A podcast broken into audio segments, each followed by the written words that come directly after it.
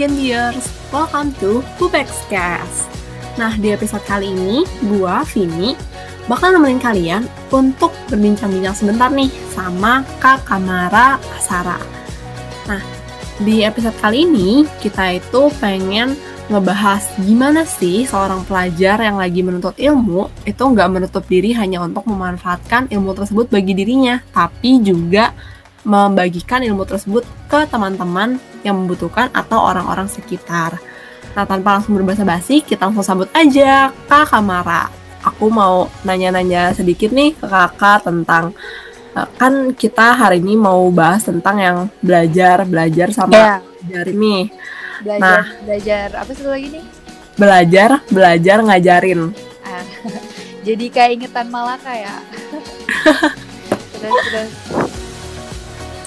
Nah iya kak, jadi intinya tuh eh, dari podcast kali ini itu pengen ngeliat gimana sih seorang pelajar yang lagi nuntut ilmu itu nggak nutup diri hanya untuk eh, memanfaatkan ilmu bagi dirinya, tapi juga membagikan ilmu tersebut ke orang-orang sekitar atau orang-orang yang memang membutuhkan.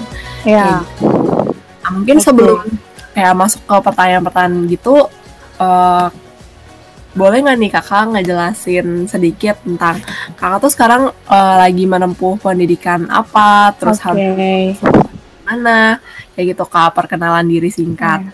oke kan tadi awalan belum ya. Namaku Kamara Sara mungkin kalian juga bisa search. Itu di Google juga udah ada kayak biografi sedikit lah tentang uh, SMP, SMA, sama kuliah aku. Nah sekarang aku kuliah di UIN Sunan Gunung Jati Bandung. Nah di situ tuh aku ngambil uh, sarjana SH uh, hukum. Aku masuk 2017, berarti sekarang semester akhir nih semester 8 lagi uh, pusing-pusingnya ya kata-kata orang-orang mahasiswa mah kayak gitu. Iya, lagi puncak-puncaknya nih tinggal satu lagi lo jadi SH gitu kan iya, cuma iya kayak gitu. Terus kesibukannya sih aku kayak freelance model gitu. Terus habis itu aku uh, acara-acara pemerintahan kayak gitu, sama ngurusin Genbi pastinya dong. Wah kalau boleh tahu kakak nih eh, gimana nih kak di Genbi kesibukannya? Sebagai kalau di Genbi kalau di Genbi aku kan jadi ketua Genbi eh, Kota Bandung kan nah itu pasti kan eh, bangun relasi juga sama perkomisariat 8 komisariat. Abis itu kita juga mau ngadain tentang kegiatan kayak eh, sama masyarakat juga cuma ke pending gara-gara covid ini. Tapi alhamdulillah sih kegiatan-kegiatan buat eh, safari komisariat beberapa sudah ada gitu. Hmm, kayak seenggaknya seenggaknya silaturahmi mah tetap berjalan gitu. Iya harus lah ya kalau itu mah kak. Iya walaupun di zoom juga. Nah, oh iya Kak, kan tadi Kakak juga eh, sempat bilang nih kalau di Genbi Bandung tuh ada acara-acara sosial kemasyarakatan gitu ya Kak. Ya seharusnya nih tapi ke pending gara-gara covid. Nah, kalau boleh tahu eh, kegiatan sosial kemasyarakatan itu harusnya tuh seperti apa sih Kak? Harusnya ya kita datang, abis itu kita ngajar. Kayak kemarin aku ngadirin ke Genbi eh, UPI kan. Nah Genbi UPI dia buat eh, apa ya? Edu Action kalau nggak salah tuh Edu Action itu tuh salah satu kemasyarakatan juga ngajarin anak kecil bagi tips terus sampai anak-anaknya tuh melekat. Nah di eh, di kota Bandung pun di sini juga mau buat acara kayak gitu. Namun terbentuk lagi kan kita eh, sifatnya kota kan, sedangkan kota ini lah sangat disorot. Jadi lebih baik komisariat dulu gitu. Hmm, iya Tentang paham-paham. covidnya gitu loh. Kota Bandung kan lagi eh, apa ya mulai parah lagi kan. Oh iya, serem juga ya. iya, jadinya ya udah kita ngikut dulu. Oke Kak.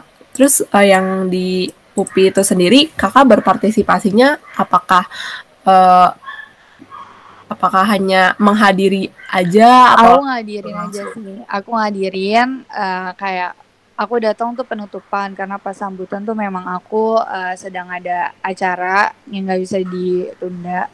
Habis itu aku datang pas akhir dan aku terharu gitu loh kayak kenapa nih gue nggak datang dari awal aja selama satu bulan itu kan dia ngajar kan kayak oh lihat anak kecil ternyata ternyata gini loh kebahagiaan itu kita nggak harus dari uh, apa ya yang berlebih-lebihan. Tapi kalau misalnya bahagiain anak kecil pun lihat mereka nggak mau lepas dari kita terus ingat yang kita pelajarin itu tuh kayak bikin seneng gitu kan. Mm-hmm. itu sih yang aku dapat um, walaupun aku datang sekali tapi terharunya udah dapet ya. Iya bener sih. Kalau iya. berurusan sama anak kecil tuh pasti langsung kayak dapet banget bukan, anak kecil juga sih. Soalnya kan di sana ada kayak uh, ibu-ibunya gitu kan. Ibu-ibunya juga welcome welcome jadi kayak hmm. ternyata uh, pembelajaran buat uh, dari Bank Indonesia ke ibu-ibunya ini juga juga diserap gitu kayak Uh, tapi kalau ada ibu-ibunya gitu emang ini programnya itu kayak pendidikan program gitu. buat anak-anak sih pendidikan. Cuma kan kayak penyuluhan buat um, apa sih penyuluhan tentang Bank Indonesia nya kan ke ibu-ibunya dong bukan ke anak-anaknya. Oh. ya kayak gitu. Paling kayak gitu sih buat uh, pembelajaran pembelajaran kita buat kemasyarakatan kayak gitu. Oh oke okay, oke okay, kak. Kalau mungkin apa? Aku mau nanya ini sih kak, kan pengalaman kakak untuk mengajar sendiri udah bisa dibilang cukup banyak kan ya kak dari Lumayan. tadi sebutin.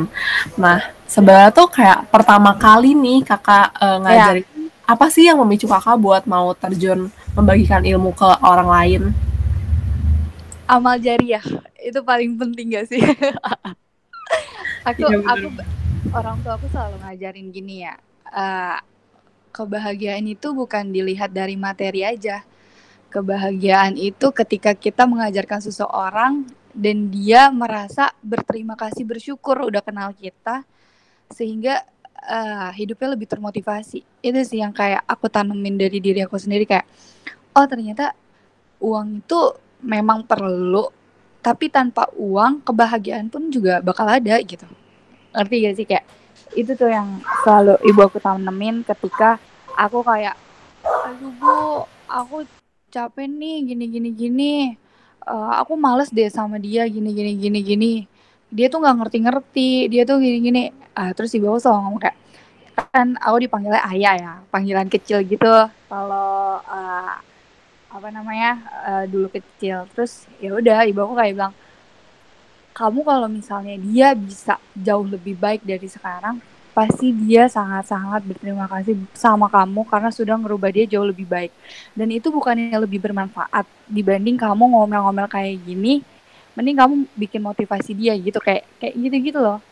Iya bener banget kak. Ya aku dari situ kayak ngerasa oh ternyata aku dapetin gitu ketika ketika aku misalnya uh, nggak apa ya uh, belajar sendiri, aku pinter sendiri, terus orang lain malah sirik capek dong kayak yeah. dia gini-gini mendingan aku aku belajar kita belajar bareng aku bisa nge-review materi yang aku udah pelajarin dan teman aku bisa ngerti gitu jadi kan saling gitu mm. kan manusia pun saling kan jadi kayak yeah. aku iya. ngerasa senang banget ya ketika kita bisa ngajarin apa yang kita punya dibanding kita harus mendem sendiri bahagia sendiri nggak asik sih kayak hidup lu gitu-gitu aja gitu Bener banget kak.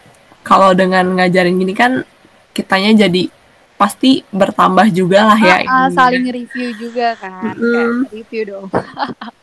Gak ada rugi-ruginya gitu ya kak. Iya bener. Nah, uh, berangkat dari situ tuh kak, kan tadi hmm. mungkin uh, ya nih dengan kakak membagikan ilmu gitu, mengajarkan orang lain, kakak juga mendapatkan uh, sesuatu gitu dari itu. Tapi iya benar aku penasaran deh kak, ada nggak sih hal yang kakak korbanin gitu ketika membagikan ilmu dengan orang lain? Pasti ada dong waktu. Waktu, menurut aku waktu tuh sangat berharga banget gak sih ketika um, ngajarin, ini mah ngajarin dalam hal apa pun ya, ngajarin pembelajaran, ngajarin olahraga, atau ngajarin tentang, aku sekarang kan photoshoot juga nih, model-modelan gitu kan. Iya kak. Boleh aku sharing nih ke sini ya? Boleh, boleh. Nah, aku ceritanya uh, ceritanya aku di sini uh, sebagai model, terus temenku sebagai fotografer. Nah, misalnya aku nggak terlalu suka sama hasil fotonya, akhirnya aku ngarahin dia dan ternyata klien suka ketika aku sudah arahin dan dia open untuk menerima kritik aku. Akhirnya dia lebih berusaha keras untuk jauh lebih baik gitu.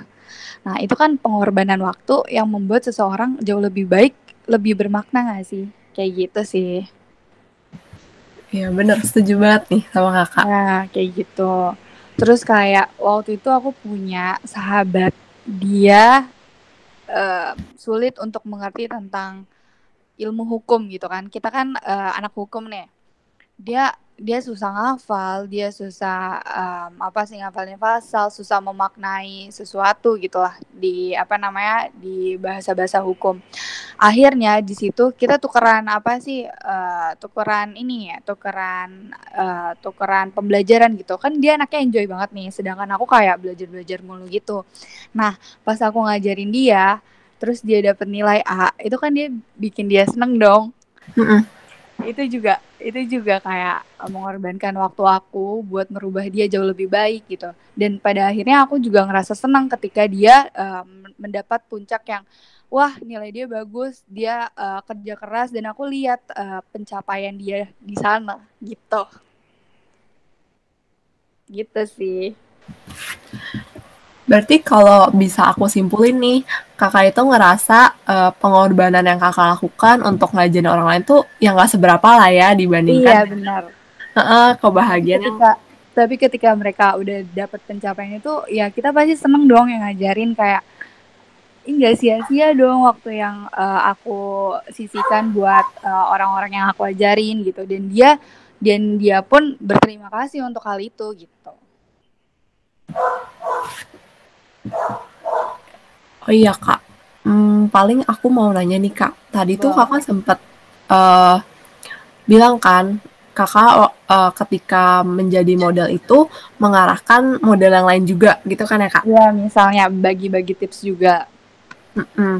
Nah, sepanjang kakak membagikan ilmu tuh ada nggak sih kayak hambatan atau kayak misalkan orang-orang yang ketika di diarahkan gitu ya di diberikan dibagikan ilmu gitu sama kakak ngerasa kayak ih kok lu ke sana menggurui gue sih atau kayak gimana gitu kak ada nggak tuh kak oh, pengalamannya? Um, gini ya di Genbi di Genbi di Genbi Bandung pun dari awal juga aku ngejelasin um, aku emang suka bercanda tapi orang lingkunganku tuh tahu ketika aku serius dia ngerasa aku galak aku maksudnya lebih sensitif lebih ini dan mereka menghargai itu karena ketika mereka udah dapet hasilnya mereka baru tahu oh ternyata yang Kamara lakuin ke mereka tuh bener gitu.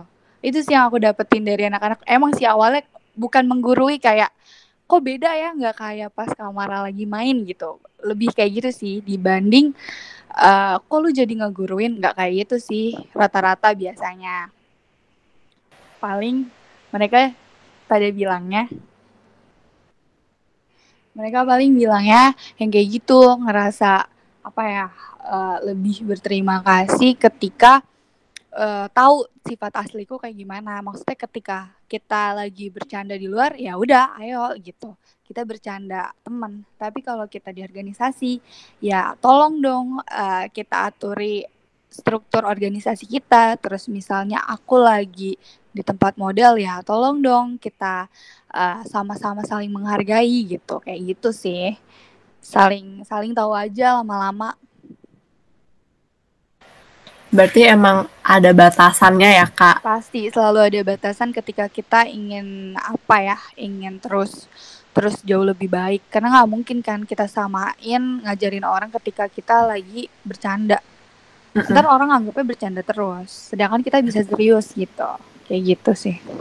Benar-benar. Dengan kayak gitu jadinya juga uh, orang lebih menghargai kitanya juga kali ya kak? Iya tahu batasan sih. Itu paling jelas ketika kita uh, kamu harus tahu ini apa ya? Aku mau bagi tips. Kamu tahu harus kamu harus tahu kamu harus ngelakuin apa gitu. Biar kamu dihargain gitu. Kamu nggak bisa selalu menyamenye uh, di tempat lingkungan yang uh, seharusnya kamu menjadi menjadi apa ya? Menjadi lebih lebih bukan pendiam apa ya lebih dihargai lah ketika kamu harus ketawa-tawa di tempat tongkrongan kan beda kan iya vibesnya beda kan nah itu yang harus kamu bentuk di diri kamu nih uh, ketika kamu pengen jadi seorang pemimpin, ketika kamu pengen jadi seorang pembisnis, ketika kamu mau jadi seorang model, kamu harus bisa menempatkan diri kamu dan membentuk karakter kamu gitu. Gitu sih. Yang itu sih orang tua aku yang selalu ngajarin aku. Kamu boleh bercanda, boleh. Kamu boleh serius, boleh. Kamu boleh uh, apa ya? Yang penting kamu harus tahu diri kamu itu bisa dihargain atau enggak gitu. Berarti kalau aku simpulin apa? Jangan sampai ada kata-kata ngeguruin atau apa itu sih aku nggak belum pernah dapet sih alhamdulillahnya ya. Iya, soalnya serem banget tuh kak. Iya kayak kok jadi gini padahal gue cuma mau apa sih bagi-bagi trik doang gitu kan. Iya, niatnya kan padahal niat aslinya mah sharingnya baik. Iya, benar banget. Emang sih itu. Nah, mungkin uh, nyambung juga nih kak ke pertanyaan yang selanjutnya. Ya, next ya. Iya nih, kakak punya ketakutan sendiri nggak sih ketika kakak berbagi uh, tips, berbagi ilmu ke teman-teman kakak kayak gitu? Uh, kalau takut sendiri, bukan ketakut sih, karena aku aku yang aku tekanin itu sharing. Jadi kalau misalnya ada salah pun, namanya juga belajar kan, saling gitu. Mm-hmm. Jadi aku bukan ketakutan ya, apa ya, lebih ke lebih hati-hati aja sih sama apa yang kita bagi gitu. Dan kalau emang misalnya mau sharing kayak gitu ya harus bener, bener gak sih? Gue mau ngebagi ini gue udah bener gue gue sendiri udah bener belum? Kayak misalnya yang waktu itu aku diundang sama Gen B4 kan yang tentang self love yang kayak gitu. Apakah iya yang gue sharing itu udah gue jalanin? Dan alhamdulillah yang aku sharing tuh memang aku udah jalanin. Jadi itu membuat apa ya membuat aku nggak takut takut untuk salah ngomong ataupun aku grogi atau apa kayak gitu. Oke kak. Iya sih bener ya kalau berbagi ilmu tuh emang kitanya harus paham dulu gitu sama yang mau kita bagikan. Iya benar kalau misalnya nggak paham ya ya udah ganti aja deh jangan lu. Paling nah ini sebenarnya masih uh, aku juga masih penasaran nih kak. Apa? Uh, pas awal-awal nih ketika kakak kayak baru um, awal-awal mencoba untuk membagikan ilmu sharing dengan teman-teman itu kakak pernah ini gak sih kayak nggak percaya diri pas pertama kali pas awal-awal itu kak? Uh, tentang yang apa dulu nih? Misal um, apa? uh, mungkin kalau yang pas pertama-tama itu kalau yang aku tangkap dari kakak itu berarti yang yang ekskul olahraga itu ya kak? Yang atlet gitu? Iya. Kalau aku uh, kan karena di karate itu kan ada spesifiknya ya. Misalnya ada kata sama sparring. Nah kalau misalnya di kata itu aku emang bukan di bidangku, aku nggak bakal ngelatih itu gitu, karena bukan di bidangku dong. Dan ketika di sana aku pun sudah uh, apa ya latihan dengan uh, atlet-atlet nasional juga, jadi aku bisa sharing ke anak-anak yang uh, sekiranya Eh, nggak uh, sama sama aku gitu loh. Jadi aku pun gak ada rasa takut untuk sharing. Dan aku berbagi sama mereka pun uh, aku bawa dari tempat latihanku uh, bersama teman-teman atlet nasionalku gitu kayak gitu. Gitu sih. Jadi ya kalau mau sharing kalau lo nggak ngerti apa-apa ya diem aja. Tapi kalau emang lo bisa buat ngasih uh, arahan ya kenapa enggak gitu. Benar-benar tapi pernah nggak sih kakak ini? Hmm, mungkin ketika sharing itu ada salah ada Pasti salah. Pasti ada lah manusia. nah itu gimana tuh kakak cara uh, ngatasinnya gitu? Kayak mungkin apakah itu udah terlalu lama terus kakak baru sadar kayak eh salah ngasih info nih atau gimana gitu? Gimana tuh kakak ngatasinnya? Kalau aku sih ya pasti ya namanya manusia kan. Pasti kalau misalnya latihan kayak gitu ya minta maaf dulu dong. Eh sorry kayak gini-gini. Tekniknya ganti ya. Uh, kemarin kita coba lagi yang benar hari ini. Aku baru dapat uh, apa sih teknik baru loh yang kayak gini-gini gini kayak gitu sih. Lebih kayak um, berusaha buat jangan terlihat salah ketika memang udah salah gitu. Berarti jatuhnya uh, memberitahukan lagi gitu ya kak? Cuma iya, memberitahukan lagi yang benar. Hmm, paham paham paham. Oke kak paling uh, aku mau nanya nih ke pertanyaan selanjutnya. Kalau ke depannya sendiri gitu, kakak kira-kira ada ini gak sih kak kayak rencana untuk uh, membagikan ilmu ke cangkupan orang yang lebih luas gitu kak? Pasti sih, pasti ada rasa-rasa yang kayak gitu. Apalagi kan uh, anak hukum cita-citanya apa sih? Jadi lawyer, jadi dewan, jadi apa ya tokoh lah ya. Iya. Kalau misalnya kita nggak bisa buat bercita-cita tinggi untuk membagikan pembelajaran terhadap orang-orang, ya udah lo diem aja di rumah gitu. Kayak gitu sih pasti ada keinginan lebih untuk up uh, daripada di di sini-sini aja gitu. Oke, dari uh, keinginan kakak itu gitu, kira-kira kalau sekarang ini progresnya gimana sih kak? Apa yang kakak lakukan gitu untuk uh, mencapai tujuan kakak itu?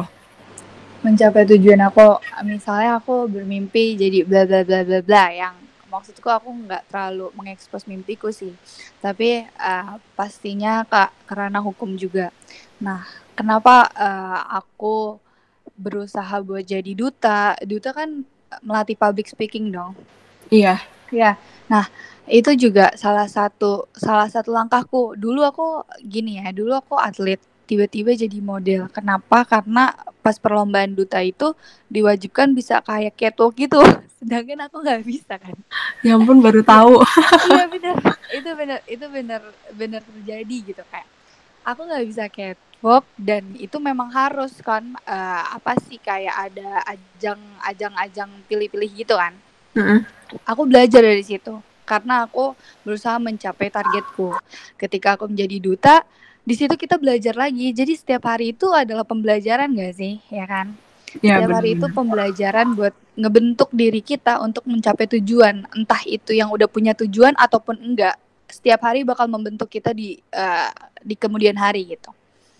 Terus aku di jadi duta, aku baru anak semester berapa waktu itu, tapi aku harus ngapalin tentang kepemiluan uh, semester 2 gitu kan. Belum tentang uh, penjurusan atau segala macam, aku udah jadi duta pemilu. Ya aku harus dua sampai tiga kali lipat untuk belajar tentang pasal-pasal yang ada di kepemiluan gitu, sehingga aku ngomong ke masyarakat pun nggak salah gitu.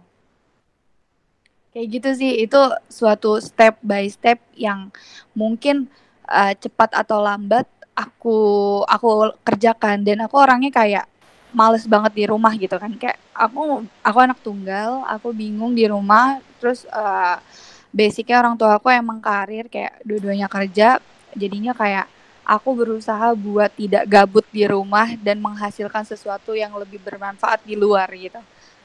Kayak gitu sih lebih ngekspor diri lah ngekspor diri kayak gitu sih berarti masih ini ya kak masih step by step gitu kalau step tadi by step uh, uh, mau cepat atau lambat uh, insya Allah sih pasti nyampe ke tujuan amin amin, amin. nah oh iya kak uh, paling aku mau nanya nih kak ada iya, nggak iya, sih yang menginspirasi kakak gitu untuk uh, terus berbagi apa, -apa? ada nggak nih sosok yang menginspirasi kakak untuk terus berbagi ilmu? Aku banyak banget nonton sosok-sosok yang inspiratif ya, tapi terutama yang selalu aku search di YouTube itu pasti kayak misalnya perempuan Indonesia, uh, politikus perempuan Indonesia terkeren. Ah uh, iya iya. Susi Risma bla bla bla bla. Gitu. Terus uh, perempuan ter apa terinspiratif di Indonesia misalnya gitu dulu ntar kan keluar Najwa bla bla anak muda uh, terkaya di Indonesia. Ya perempuan perempuan. Pokoknya aku aku aku membentuk diri aku untuk uh, kuat ketika aku melihat itu di YouTube. Pokoknya aku cari aja kayak perempuan-perempuan hebat di Indonesia dulu gitu ya. Memang kita harus mancanegara. Cuma aku pengen tahu ketika di negara kita ini bagaimana seorang perempuan bisa dihargai untuk mencapai tujuannya gitu. Dan bagaimana seorang perempuan bisa ada di titik puncak tertinggi walaupun uh, di bawahnya laki-laki gitu. Hal-hal yang kayak gitu sih yang aku selalu cari tahu uh, ketika aku lagi insecure, lagi lagi ngerasa ih dunia kok gini-gini doang sih? Kok dia bisa keren gue enggak? Yang kayak gitu-gitu kan pasti ada ya di Iya. masa di umur-umur kita kayak gini nih aku selalu cari itu di YouTube. Tapi aku bisa relate sih sama kakak karena kayak dengan nyari iya sosok perempuan inspiratif kayak oh ternyata kita tuh juga capable ya buat ya uh, mencapai posisi tertentu nah kayak gitu itu aku sih. nyarinya random kan. Jadi Mhm. untuk yang aku aku orangnya kayak santai aja sih biasa-biasa aja nggak nggak yang terlalu itu dia keren aku ngefans banget sama dia. Ih, itu barang itu bagus aku mau banget ya pakai barang ini. Aku nggak kayak gitu sistemnya kayak aku orangnya yang kayak menghargai semua orang itu bakal eh, apa ya bisa sampai puncaknya gitu. Jadi aku lebih menghargai eh, kehidupan mereka biografi mereka. Karena setiap orang kan beda gitu. Jadi aku nggak Mhm. bisa uh, menjudge satu orang dia terlihat hebat dengan segala ini ininya tanpa aku melihat perintangannya. Jadi aku lebih lebih belajar tentang proses kehidupannya sih kayak gitu Berarti jatuhnya uh, menjadi motivasi gitu ya kak. iya motivasi buat aku sendiri gitu Benar-benar benar. Nah, eh kalau dari yang tadi kakak udah cerita ini tentang pengalaman kakak, terus eh, gimana sih eh, ya suka dukanya gitulah ya. Terus habis itu sosok yang menginspirasi kakak. Mungkin kakak punya eh, pesan-pesan gak sih yang ingin kakak sampaikan ke teman-teman pendengar gitu? Tentang apa apa? belajar ngajarin ini. gimana? Gimana Eh, ini kak dari yang tadi udah kakak ceritain kayak gitu kan. Ah. kakak punya nggak sih eh, pesan yang ingin disampaikan gitu ke teman-teman pendengar? Pesan-pesan ya? Pesan-pesan. Pesan. Eh, iya kak pesanku sih ketika memang kalian bisa bermanfaat buat masyarakat, kenapa enggak gitu? Karena hidup sekali, tua itu belum tentu terjadi. gitu sih. iya bener-bener oke paling eh, pesan tadi itu menjadi penanda sih kak kalau eh, bincang-bincang kita udah mau berakhir nih paling aku mau mengucapkan makasih banget buat kak Kamara udah nyempetin eh, ngobrol-ngobrol Iya. bentar sama Tapi kalian sorry banget nggak bisa lama-lama. Iya nggak apa-apa kak. Makasih banyak ya kak. Iya. Terima kasih kak. Thank you kak. Aku